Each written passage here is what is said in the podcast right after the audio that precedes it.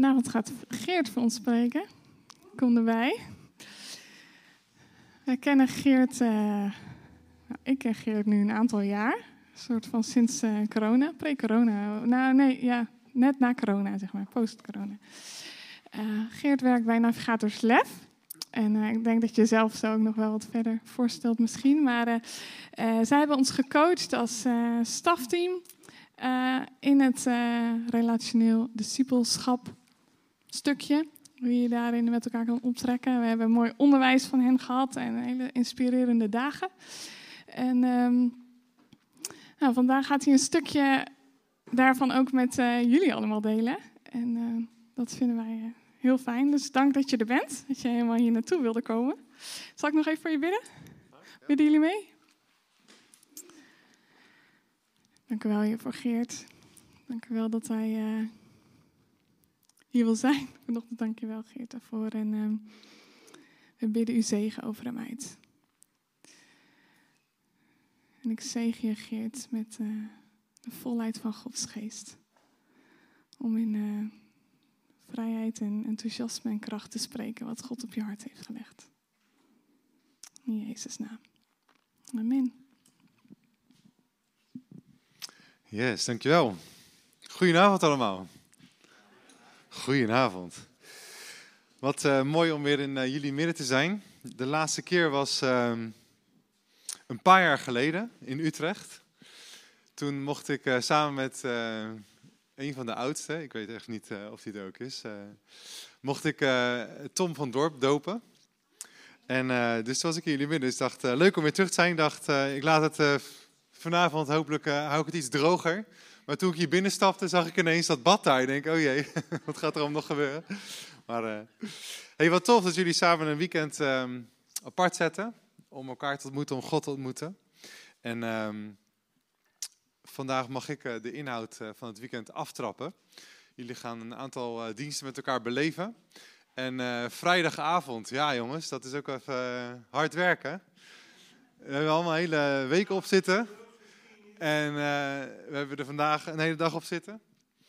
En uh, dan is het hier kwart over negen s'avonds. En dan heb je lekker zout soepje in je buik, wat heerlijk was. En dan kak je lekker in en dan gaan we met elkaar een dienst beleven. Dus um, het voordeel is dat je de eerste bent en dat er nog heel veel andere diensten komen. Dus alles wat, wat we vandaag missen, dat kan gewoon nog worden aangevuld de komende dagen. Dus het komt helemaal goed. Um, heel kort, iets over mezelf. Een foto, oh kijk eens, daar staan we al. Uh, dit is onze thuissituatie. Ik ben uh, getrouwd met Tessa. Drie uh, kids. Dit is onze achtertuin. Nee, dit was in Oostenrijk. het Westland is ook heel mooi, Schravenzanden. Maar dit was toch stiekem nog iets mooier. Afgelopen zomer. Um, wij zijn allebei betrokken bij de Nieuwe Rank. Sinds anderhalf jaar ben ik daar voorganger geworden. Daarvoor werkte ik fulltime bij Navigators. Dus daar ken ik ook Joost van en Wouter. Uh, en um, daar nu nog wel zijdelings betrokken, maar primair betrokken bij de Nieuwe Rank, een gemeente in uh, dus nou ja, dat een beetje over de context, dat je een beetje idee hebt wie er voor je neus staat vanavond. Um, ik trap vanavond af met het thema relationeel discipelschap en dan specifiek leven als leerling. En dat gaat eigenlijk, het is een beetje wat breder verhaal. Waarna eigenlijk in de andere diensten elke keer een element ervan verder wordt uitgediept. Dus uh, in die zin komen er wat meerdere dingen voorbij vanavond. Um, maar het gaat specifieker over leven als een leerling. En ik was benieuwd, uh, dat is een leuke vraag die op de scherm komt. When was the last time you did something for the first time? Wie heeft er de afgelopen tijd iets helemaal voor het eerst gedaan? Iets nieuws geleerd of iets dat je denkt, ah, dat heb ik echt nog nooit eerder gedaan? En dat heb je dus gedaan. Afgelopen tijd, recent. Een auto gekocht, kijk. Ja, het moet eens is de eerste keer, toch? Heel mooi, ja. Suppen. Kijk, oh, suppen. Ja, dat is populair, hè? Ja, ook allemaal suppen, joh. Wat zeg je? Poppetjes bakken. Ja, een keer proberen, toch? Ja, mooi. Wie nog meer? Iets voor het eerst. Begonnen met voetballen. Wauw, kijk eens. Welke positie, hè, zijn we dan benieuwd. beginnen. Ja, robuuste verdediger of uh, die snelle spits. ja, mooi. Leuk. Nou, ik heb uh, het begin van het jaar als uh, primeurtje voor het eerst iets gebroken in mijn leven. Mijn elleboog. Was niet handig, dus ik zat van hier tot daar in het gips. En dus ik moet alles met links doen, met één hand. Nou, daar leer je ook heel veel van. Met links überhaupt en met één hand dingen doen. Um, maar het schijnt dus heel goed te zijn om nieuwe dingen te leren. Als we nadenken over leven nieuwe dingen leren. Dat schijnt zelfs bijna het nieuwe ontspannen te zijn. Dus in de zomer worden heel veel cursussen aangeboden. Dat ze zeggen, ga dan niet alleen maar op zo'n strandbedje liggen. Maar doe een cursus Spaans of uh, ga voetballen. Huur die sub. Koop een auto. maar doe iets nieuws. Maar, maar leer iets. Want daar ga je van ontwikkelen. En dat scherpt je. En daar rust je van uit. Een soort van stresshormoon gaat naar beneden. Uh, dus door nieuwe dingen te leren, kom je eigenlijk ook tot rust. Nou, ik dacht, nieuwe dingen leren is natuurlijk ook soms heel frustrerend. Uh, voor het eerst op zo'n sub staan, ik heb het ook een keer gedaan. Dan sta je te wiebelen en dan links en rechts, dan komen allemaal mensen voorbij, weet je. Jij staat er een beetje te klooien op zo'n, zo'n plank en uh, hoe, hoe, werkt dat nou precies? Nou, ik kan natuurlijk allemaal dingen bedenken van mijn eigen kinderen die dingen moeten leren. En het heel frustrerend vinden, maar dat is te makkelijk, dat ga ik hier niet doen. Want dat kennen we denk ik allemaal wel. Die beginnersdip. Dat je jezelf echt even een kluns voelt. Dat je denkt, oh ja, dit schijnt heel makkelijk te zijn, maar het lukt me gewoon nog even niet. Wie herkent dat? Kijk, oh gelukkig. Ja, ik, wie herkent het niet? Ja. Stel je voor dat je in je eentje hier ineens staat. Oh ja. Nee. Um, ik heb bijvoorbeeld zo'n uh, spel een keer gekregen, wat volgens mij helemaal niet zo erg moeilijk is. Maar de eerste keer zo'n spel spelen met uitpakken en al die kaartjes en dingen en allemaal tierenlantijntjes. En dat duurt zo lang dat de eerste keer, dan is het, het ontdekken van het spel duurt langer dan het spelen. Ja, dan haak ik dus af. Dat is een soort van die beginnersdip. Dan wil je het eigenlijk een keer spelen met iemand. Dus als iemand goed is in wingspan. Yes. Ja, fans? Ja? Oh, kijk eens. Welkom. Hij zit nog in plastic. dus... We moeten een keer beginnen. Maar dat is die beginnersdip. Dat het ook echt frustrerend kan zijn om iets nieuws te leren. Nou, Jezus die nodigt ons uit om zijn leerlingen te worden, zijn discipelen te worden. Lerend achter Jezus aan.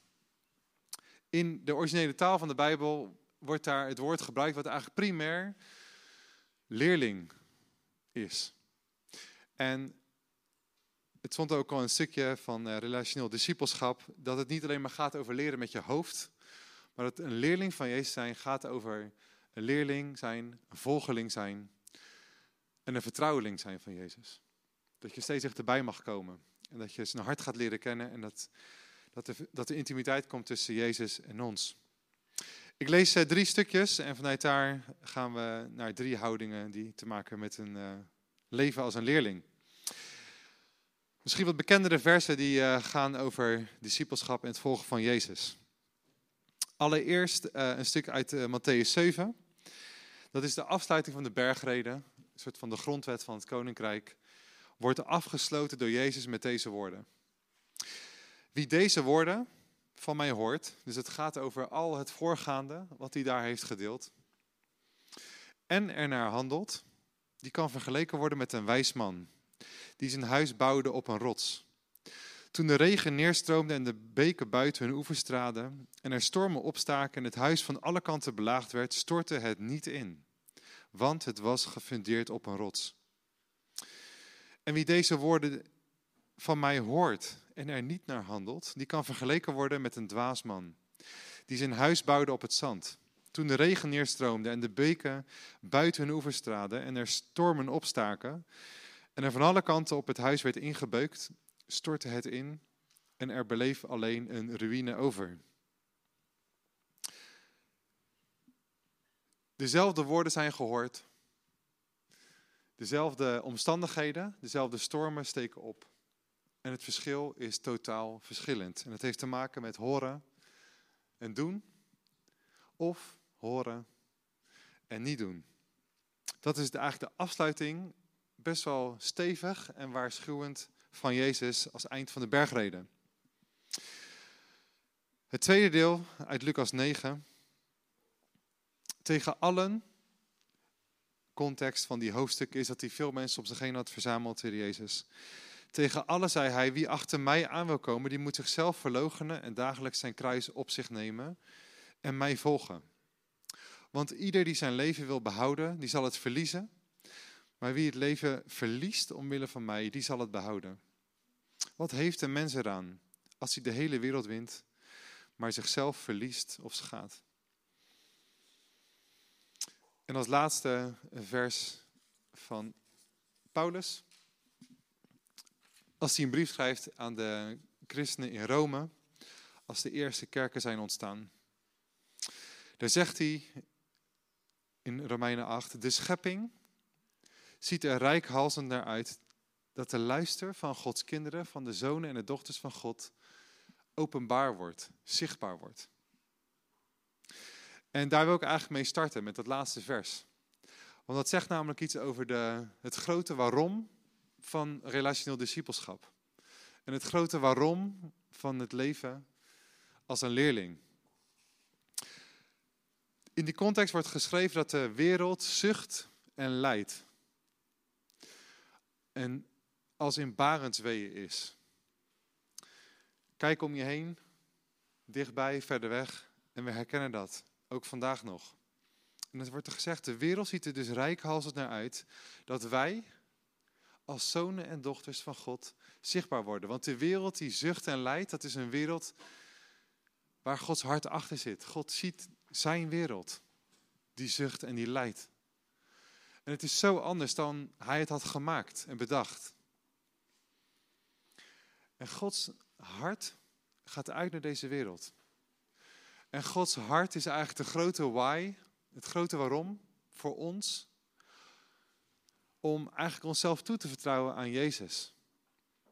Persoonlijk en met elkaar, lerend achter hem aan te gaan.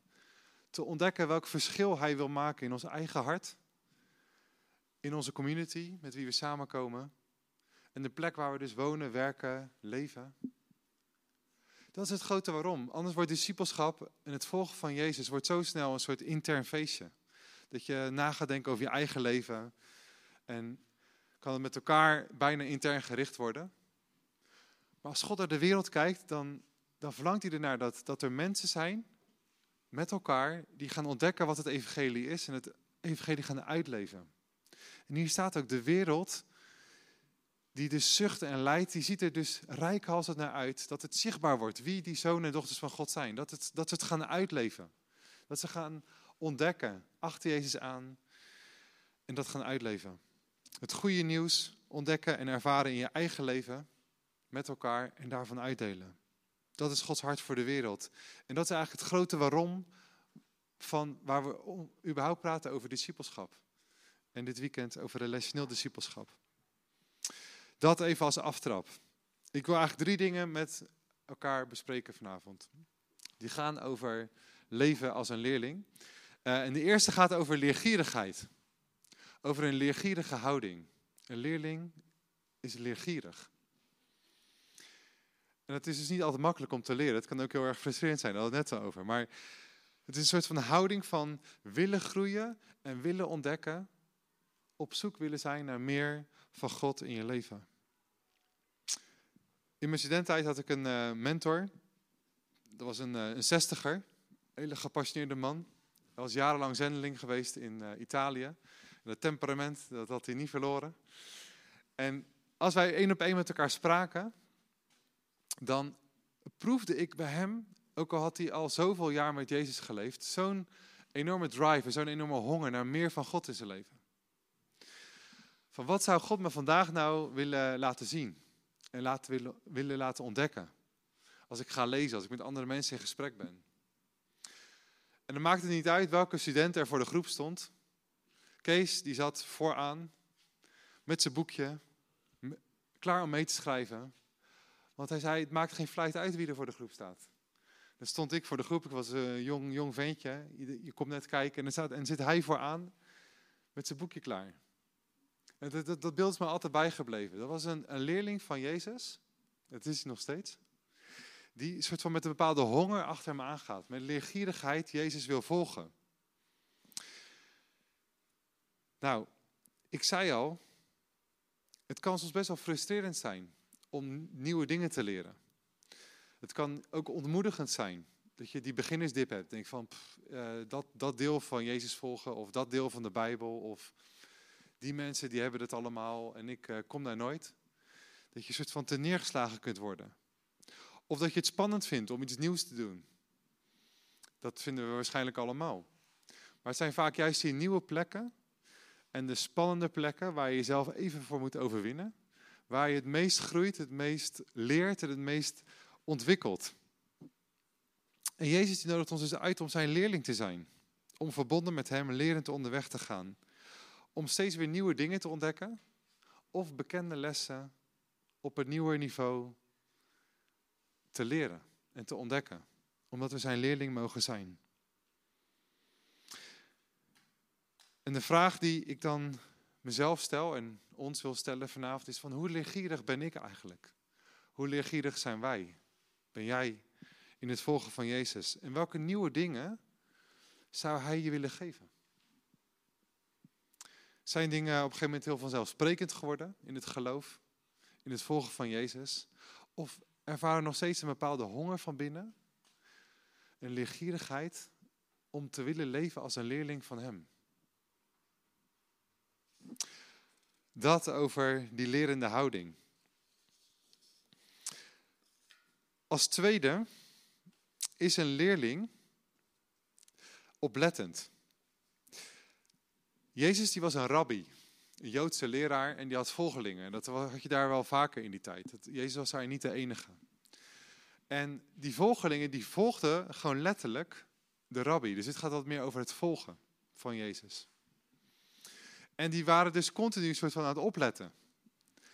Ze waren niet alleen leergierig, maar ze waren ook oplettend. Van waar beweegt de rabbi heen? En hoe doet hij? En hoe praat hij? Welke keuzes maakt hij? Hoe gaat hij met mensen om? Welke keuzes maakt hij in zijn eigen leven? En ze volgden hem op de voet, letterlijk. Waarom? Omdat de rabbi een bepaalde leer had en dat, en dat eigenlijk uitleefde en zij daar op de eerste rij wilde zitten. Zij volgde hem op de voet, life on life, in de relatie. Daar gebeurde zoveel en daar vindt zoveel overdracht plaats als het ware, als het gaat over discipelschap. Dat gebeurt voor een deel door onderwijs, maar het gebeurt voor een veel groter deel door met elkaar op te trekken. En dat Jezus zegt, kom en volg mij. Kom en zie. Dat soort woorden, dat soort uitnodigingen, die lezen we in de Evangelie terug. En dan heeft hij een paar vrienden dichtbij die heel veel van Jezus zien en meemaken. En in het gewone dagelijks leven, wat ze leven, door hem te volgen en oplettend te zijn, wat is hij aan het doen? En wat betekent het eigenlijk voor mij? Die oplettendheid. Daardoor leren ze te volgen. En worden ze een volgeling van Jezus en groeien ze in zijn karakter, in zijn leefwijze en in de liefde voor Jezus. Dat gaat over de kracht eigenlijk van relationeel discipelschap, dat het in die relatie gebeurt. Een rabbi, dat beeld van een rabbi en een leerling. In Matthäus 7, dat is het einde van de bergreden, daar gaat het dus over horen en over doen. Ontdekken wat Jezus van je vraagt, je daar bewust van worden en dan vervolgens dat in de praktijk gaan brengen. En in hun geval zagen ze dat Jezus soms letterlijk doen. En wij hebben voorbeelden van anderen. We lezen dingen in de Bijbel en we mogen elkaar aanmoedigen. You never grow alone. Om stappen te gaan zetten. Daarover straks nog iets meer. Maar eerst nog klein uitstapje naar wat uh, sociologische dingen. Uh, als het gaat over horen en doen. Want dat is niet zo makkelijk, horen en doen. En het heeft heel veel met, ook met onze tijd te maken. Ik hoorde pas drie dingen die gaan over onze maatschappij. In de tijd dat Jezus geboren werd, duurde het volgens de wetenschappers 1500 jaar. 1500 jaar voor alle, voordat alle kennis die er toen beschikbaar was, verdubbelde. 1500 jaar. Dat werd op een gegeven moment 250 jaar, voor de volgende verdubbeling 100 jaar, tot de Tweede Wereldoorlog. Toen werd het op een gegeven moment 25 jaar dat alle kennis verdubbelde. Op een gegeven moment werd het 12 tot 13 maanden. En wetenschappers die zijn het er steeds meer over eens dat vandaag de dag alle kennis tot nu toe die we vergaard hebben, binnen 12 uur wordt verdubbeld. Google mensen. Onze informatiemaatschappij wordt dat genoemd. We hebben meer informatie over van alles en nog wat dan ooit tevoren. Het tweede gaat over de technische ontwikkelingen. Die gaan zo hard dat sociologen steeds meer dingen beschrijven over een bepaalde onzekerheid en angst. En soort, we, we kunnen niet meer bijhouden wat er allemaal om ons heen gebeurt. En dat beangstigt ons voor een deel. En we voelen ons daar overweldigd door. Dus aan de ene kant hebben we meer informatie dan ooit tevoren. Aan de andere kant overweldigt het ons ook meer dan ooit tevoren. En als derde was er een socioloog die sprak over de zogenaamde informatie-actie-ratio. Dus hoe informatie ten opzichte van actie staat. En ehm, hij zegt dat er op een gegeven moment een major shift is geweest in hoe we daar mee bezig zijn als mensen. En de grootste uitvinding daarvoor is niet de computer geweest of uh, internet of de, de smartphone. Het was telegrafie. Dat er op een gegeven moment een telegram kon worden verstuurd. Waarom? Hij zegt dat was de eerste keer dat je informatie kon uh, transmitten zeg maar, naar een andere plek, wat apart stond van tijd en, en ruimte. Dus het nieuws wat je tot dan toe altijd hoorde, dat had gewoon te maken met je directe omgeving. Dan kreeg je gewoon te horen van uh, Piet huis zit in de brand. Oké, dan ga je niet uh, soort van op Facebook hashtag, weet ik het allemaal, doen. Nee, dan pak je een water met z'n allen. Je gaat rennen en je, je gaat helpen die brand te blussen. Alles heeft te maken met het hier en nu wat je hoort. En door zo'n telegram kon je ineens dingen horen van een andere plek, wat helemaal los stond van jouw plaats en van jouw tijd. Nou, de informatie is alleen maar toegenomen, wat ervoor zorgt dat je dus als mensheid je informatie-actieradius, ratio, super laag wordt. Hij zegt, we horen van alles. Denk even na over wat je alleen al deze week hebt meegekregen. Over de wereld, over problematiek, over aardbevingen, over oorlog, over stormen, over weet ik het allemaal. Dat zijn nog de minder leuke dingen. We hebben ook nog leuke dingen gehoord, hopelijk van de week. Je hebt zoveel informatie gehoord.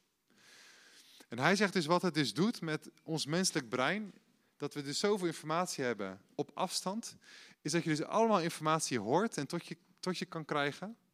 Dat je er zelfs nog iets bij kunt voelen, maar we doen er gewoon werkelijk waar niks mee. Omdat we het ook niet kunnen. Omdat het allemaal ver weg is.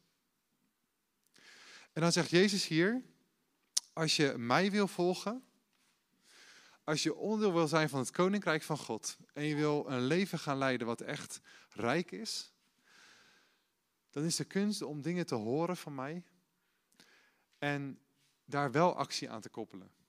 Hoe klein de eerste stap ook is, met vallen en opstaan, zijn we allemaal achter Jezus aan, aan het gaan. Uh, we hebben allemaal die beginnersdip. We gaan allemaal met vallen en opstaan achter hem aan. Maar dat er dus iets is van ontdekken van wat Jezus van je vraagt en het vervolgens ook doen.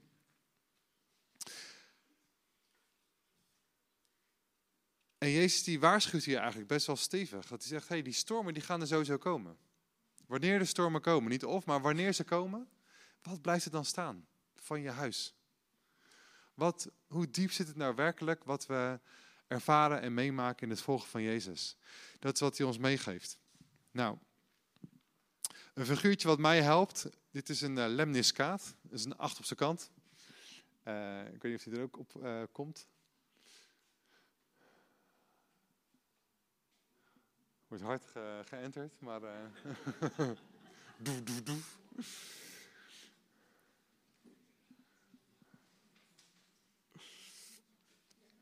Kijk, daar is hij. Ja, ja, ja. Nou, dit is toch echt een lemniskaat, jongens. Um, Een acht op zijn kant. Aan de ene kant jij als persoon, aan de andere kant je omgeving. Waar we onderdeel van uitmaken. We hebben een zichtbaar deel, ons gedrag, keuzes. En er is een onzichtbaar deel, de cultuur, onderstromen, dat wat we gewoon vinden met elkaar, dat wat je niet ziet. Het heeft allemaal, alles met elkaar te maken, want wij zijn volledig onderdeel van onze omgeving. En onze omgeving beïnvloedt ons weer. En als het gaat over Jezus volgen, dan praten we heel vaak de ene kant op. Dat we zeggen van oké, wij hebben het geloof en hoe breng je dat nou in je omgeving? En hoe gaan we onze omgeving beïnvloeden? Uh, en het gaat dan over nou ja, van alles, want in je omgeving kan van alles gebeuren. In je straat, op je werk. Maar het is interessant om te kijken, van, er is ook een, een beweging de andere kant op. Dat wat om je heen gebeurt in je normale leven, ook in het onzichtbare, de bedrijfscultuur waar je onderdeel van bent, de sfeer in de straat, het contact met je buren, in je familiekring, allemaal onderstromen, cultuur, waardes, van alles wat je niet ziet, dat wordt op een gegeven moment zichtbaar in hoe je met elkaar omgaat. Welke keuzes je moet maken op je werk of wat er van je wordt verwacht. En dat vormt je. Dingen die in je omgeving gebeuren, een verlieservaring, of dat nou je baan is, of iemand in de familie of in je vriendenkring. Uh, er kunnen allerlei situaties zijn die effect hebben op jou. Dat zeg maar van je omgeving soort van naar jou toe komen en op, op een hartsniveau dingen met je doen. Dus in het zichtbare gebeurt er van alles in ons leven, in onze omgeving. En dat gaat soort van, dat raakt iets in ons binnenste. Hoe verhoud ik me hier eigenlijk toe? Wat vind ik hiervan? En de kunst is dan om dat loopje aan de linkerkant te gaan ontdekken met God. Hoe wil ik hier eigenlijk in staan? Wat vraagt God hierin van mij? als je nog één keertje doorklikt, dan zie je dus dat je eigenlijk op een gegeven moment met God kunt gaan nadenken over hoe je wil bewegen op die sportclub, in je straat, in je familie- en vriendenkring, op je werk. Omdat je dat loopje hebt genomen, dat je denkt, hé, hey, alles wat er om me heen gebeurt, de cultuur waarin ik beweeg, het vormt mij sowieso. Maar als wij als leerlingen van Jezus ten diepste gevormd willen worden door Jezus zelf, dan vraagt dat dus dat we dat loopje, gaan, dat we dat loopje doorgaan. En dat we gaan ontdekken, oké, wat doet dit met mij? En wat vraagt God van mij hierin? En wat ga ik daar in het zichtbare aan doen? In eerste kleine stapjes. En dat heeft natuurlijk weer effect, want dat botst soms weer tegen de onderstroom van je omgeving of wat ook. Dus het is, het is, een continue proces eigenlijk waar je doorheen gaat. Maar dat loopje nemen, wat gebeurt er nou eigenlijk? En hoe wil ik me daartoe verhouden met God? Ik weet hoe het voor jullie is, maar ik heb daar andere mensen bij nodig. Jezus volgen doe je niet alleen. Dat is natuurlijk het thema ook van dit hele weekend. Het vraagt community. Een plek waar je kunt sparren. Een plek waar je eerlijke vragen aan je gesteld kunnen worden. Heer, wat bent u aan het zeggen in deze situatie? En wat mag ik eraan gaan doen? En iemand die je daar ook aan houdt. Want we hebben net al gezien dat de juiste informatie nog niet per se zorgt voor transformatie, voor vernieuwing. En dat gaat wel gebeuren als je met elkaar lerend onderweg bent, leergierig achter Jezus aan en oplettend bent als een volgeling van Jezus. Wat bent u aan het doen? En hoe kan ik daar goed bij aansluiten? Wat mag ik, hoe mag ik daarop reageren? Dus we hebben allemaal die plek van echtheid nodig, van kwetsbaarheid, van eerlijke vragen. En je ziet vaak dat dat gebeurt in een één op één situatie, of in een drietal, een triade, of gewoon een kleine groep. Jezus had de twaalf, maar hij had ook de drie, die op de meest kwetsbare momenten dichtbij mochten komen. En dat is niet voor niks. Want in een situatie met twee of drie zit een andere dynamiek. En kom je vaak een stuk dieper en echter met elkaar dan je in een kring of een grotere groep gewend bent met elkaar. Ik weet niet hoe dat voor jullie is, maar ik heb het nodig in het volgen van Jezus. Dat er een maat is die mij af en toe bevraagt. Op motieven, op keuzes in mijn leven. Of gewoon de eerlijke vraag stelt, hoe is het met je? Wat ben je aan het leren van Jezus? Nog even los van je rol. Maar gewoon jij en God. Hou je nog van je vrouw? Hou je nog van je man? En waar blijkt het uit? Heb je genoeg tijd met elkaar om echt samen te zijn en te verbinden en te groeien samen? Speel je nog met de kids in mijn situatie? Of heb je genoeg fun met vrienden? Of wat, wat je eigen levenssituatie ook is? Maar ben je niet te druk, maar heb je echt quality time met je kinderen en geniet je ervan? Dat is een vraag die, die, die mensen mij mogen stellen. Dus je kunt zo gepassioneerd met van alles en nog wat bezig zijn. En ook echt wel tijd met je kinderen hebben. Maar ik had op een gegeven moment een periode dat ik dacht, ik, ik heb al tijd met mijn kinderen, maar kan ik ook echt van genieten? Of ben ik met mijn hoofd ergens eigenlijk alweer bezig met of het vorige of het volgende? Of heb ik echte aandacht? En heb ik het nodig dat er een, dat er een vriend is met wie ik om de week afspreek, die mij die eerlijke vraag stelt. En dat ik gewoon weet, no escape, weet je wel, die vraag die gaat komen. Want het is iemand die mij scherp houdt. Waarom? Ik heb het hem zelf gevraagd. Het is geen control, maar het is wat je dan accountability noemt. Dat je aanspreekbaar wil zijn. En dat is iets wat je geeft. Nou, daar gaat morgen vast nog meer over gedeeld worden. Maar we hebben elkaar nodig om als leerling en als volgeling te leven. En wat heb jij nodig? Om bewust te zijn op momenten in je leven. Om te ontdekken wat is God aan het doen in mijn leven? Wat wil hij mij laten zien? Wat wil hij me leren? Wat wil hij graag dat ik ontdek? Wat is hij tegen mij aan het zeggen? En hoe mag ik daarop reageren? Ken jij die plek van een eerlijke vraag en iemand die je er ook aan houdt? Die je scherpt en die ergens op terugkomt. En niet genoegen neemt met een mooi verhaal en een mooi voornemen, maar ook gewoon na twee weken vraagt: hoe is het? en het is soms niet leuk en het is soms confronterend, maar oh, wat hebben we het nodig? Als laatst is een leerling van Jezus toegewijd. En het gaat wat meer over het level van vertrouweling zijn van Jezus. Wie achter mij aan wil komen, die moet zichzelf verloochenen en dagelijks zijn kruis op zich nemen en mij volgen. Er waren menigtes om Jezus heen. En hij vraagde eigenlijk als het ware om uit die menigte te stappen en een stap naar voren te doen om jezelf toe te wijden aan hem. Dat zegt, als je mij wil volgen, als je achter mij aan wil gaan, verloochen jezelf, neem je kruis op en volg mij. Jezelf verloochenen, dat is dat wat je van nature zo graag zou willen doen, niet doen. En je kruis opnemen, dat is een bewuste actie. Dat is niet iets wat je overkomt. Elk huis heeft zijn kruisje. Je kruis opnemen, dat is dus iets wel doen wat je van nature liever niet doet. En dat heeft alles met toewijding te maken aan Jezus. En daar heb je dus ook elkaar voor nodig om elkaar daarin aan te moedigen en elkaar te scherpen. Dit kost je iets. Die eerlijke vragen die iemand stelt en iemand die je scherp houdt, dat is soms confronterend. Maar het is zo waard, lieve mensen. Het is zo waard. Waarom? Omdat Jezus alles waard is. We mogen ons toewijden aan Hem. We mogen ons toewijden aan de ander. Omdat Hij als allereerst zich heeft toegewijd aan ons. Hij gaf werkelijk waar alles. Om de wereld te redden. Om goed nieuws te brengen. Dat grote verhaal waar we mee begonnen. Hij werd gehoorzaam tot in de dood. Voordat hij van ons vraagt om ons kruis op, zich, om, op, op ons te nemen, nam hij het kruis op zich. En gaf hij alles. En in ons leven mogen wij daarop reageren. En zeggen, Jezus, we willen onszelf toewijden aan u. We willen een vertrouweling worden van u. Waar klopt uw hart voor? En wilt u dat ook met mijn hart delen?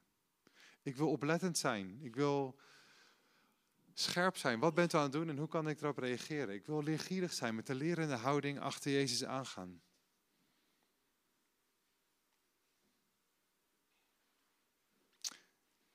Ik begon al dat de wereld zucht en lijdt.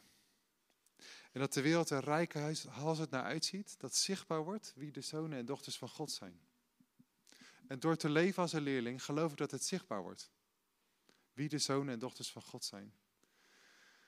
En zitten hier allemaal, wij met elkaar, zonen en dochters van God. Die mogen uitleven wat het betekent om een leerling van Jezus te zijn. En het is echt goed nieuws in deze wereld waarin we leven. Het is echt goed nieuws. Daarom heet het goed nieuws. En ik zou graag willen bidden En er is straks, uh, we zullen denk ik nog wat zingen. En dan is ook tijd voor, voor, om voor je te, te laten bidden voor ministry. Om daar gewoon wat zaken in mee te nemen. Voor jezelf. Dat je zegt, Heer, ik wil me echt toewijden als een leerling van u. Opnieuw, vanavond. We gaan nog een heel weekend tegemoet, maar die lerende houding, hongerig achter u aan. Ik wil daar meer van, ook dit weekend.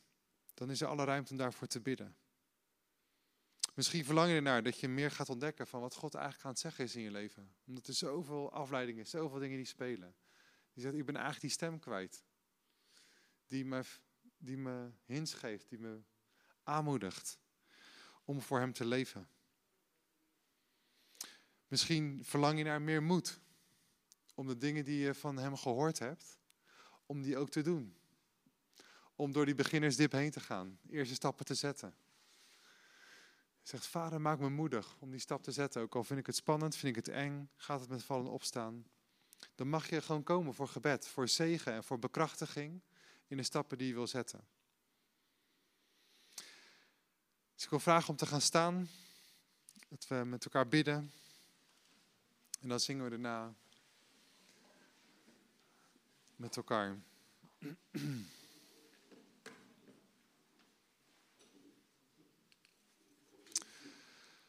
Vader in dank u wel dat we voor uw troon mogen komen.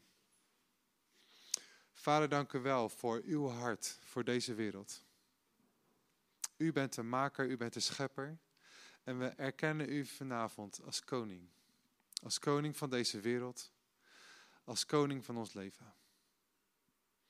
Heer, we willen lerend achter u aangaan. We willen leerlingen zijn.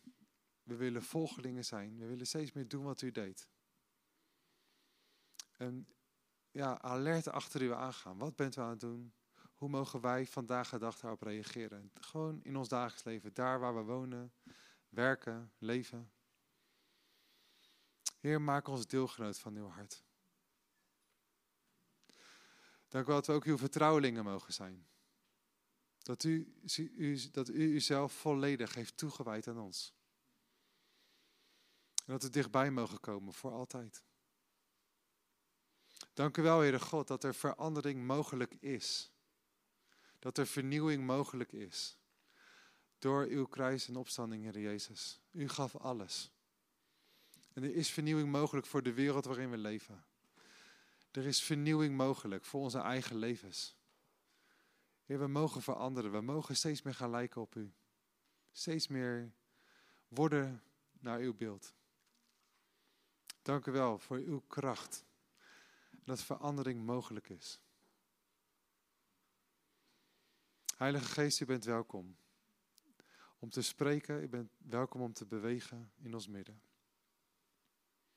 En ik bid ook, Heilige Geest, dat u, als u werkt in onze harten, dat als er woorden zijn die we hebben ontvangen in onze levens, maar waar we nog geen actie aan gekoppeld hebben, waar we nog niet op hebben gereageerd. Misschien omdat we het niet durven. Misschien omdat we te weinig mensen om ons heen hebben die ons daarin aanmoedigen. Wat de reden ook is, Heer. Ik bid dat u ons ervan bewust maakt. Welke woorden heeft u al gesproken?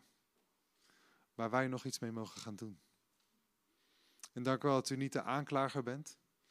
Dat het niet vanuit schuldgevoel hoeft, maar dat, het, dat u gentle bent. En dat u dingen wil aanstippen op een hele liefdevolle manier. En ik bid dat u dat ook zal doen. Heer, zo staan we voor u.